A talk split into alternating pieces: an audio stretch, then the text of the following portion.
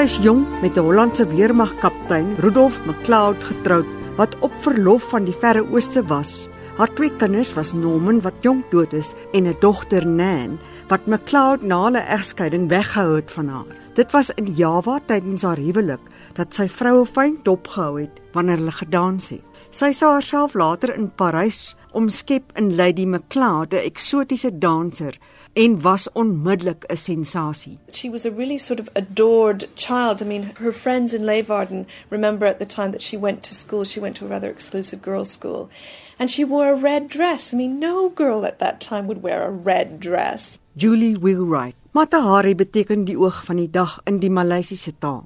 Maar die joernalis John Colle sê die dansery was 'n rookskerm vir iets anders. Matahari was a courtesan who gained her income from men. She slept with men for money. Ongelukkig het haar sukses op 40-jarige ouderdom begin taan as 'n danser met die uitbreek van die Eerste Wêreldoorlog. Daarna is sy deur die Duitse intelligensiediens genader en geld gegee om Parys te besoek, waar sy eens haar sukses as 'n danser behaal het. Maar nadat sy van Parys teruggekom het met geen bruikbare inligting nie, het die Duitsers haar opgelei as 'n spioen. We are certain that she went to Germany where she received 8 days of training from high-ranking German intelligence service officers. In 1916 is sy op 'n besoek na 'n spa buite Parys deur die Franse intelligensiediens in hegtenis geneem wat haar reeds 'n geruime tyd van spionasie verdink het. 'n kaptein Ledoux het haar werk in die Franse intelligensiediens aangebied.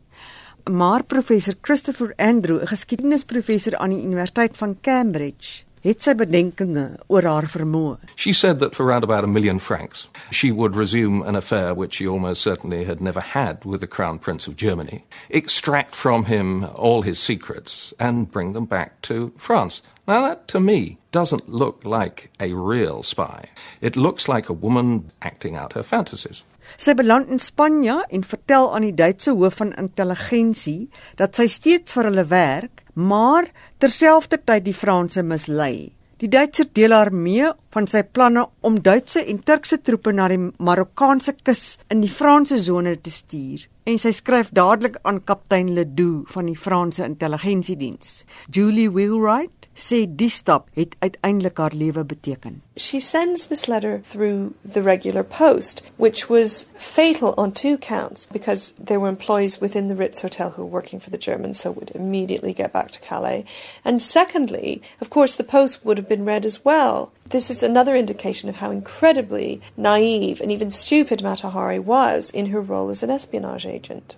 Terug by die Duitse offisier, stuur hy inligting oor haar bedrywighede na Berlyn en verwys na haar slegs as H21, haar kodenaam deur die Duitsers.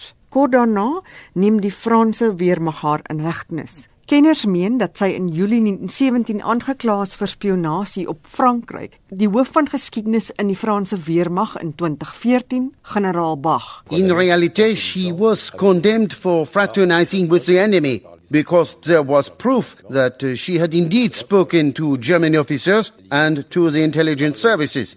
That was sufficient to make you a spy, punishable by death. In die hof hou Mata Hari vol dat sy nie 'n spioen is nie. 'n Voorlesing van 'n deel van haar getuienis.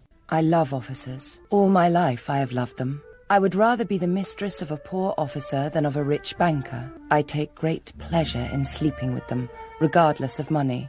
And I like to compare the different nationalities. I swear that my relations with the officers you mention were only inspired by the feelings I have just described to you. One of the things that outraged the French military the most was the fact that she refused to be ashamed of the fact that she was a courtesan. In 1917, taking the stand in a French military court and saying, I love having sex with officers. And she's proud of it. She's not going to pretend she's something that she's not. Hoewel sy daarvan beskuldig is dat sy vir die dood van 50 000 Franse soldate verantwoordelik is, is sy op drie feite skuldig bevind: dat haar getuienis onbetroubaar was, die inkriminerende telegramme en haar erkenning dat sy geld van die Duitsers aanvaar het. Twee nonne het voordat Martha Hari geskiet is, permanent by haar in haar sel gebly omdat die owerhede nie wou hê sy moes haar eie lewe neem nie.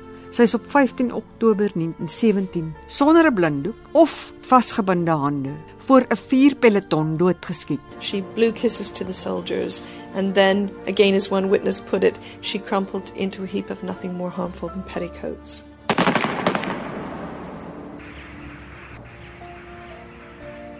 Een van Mata Hari se biograwe, Julie Wheelwright, die klank uit die vertelling kom uit 'n dokumentêre film wat Don Documentaries in 2014 gemaak het.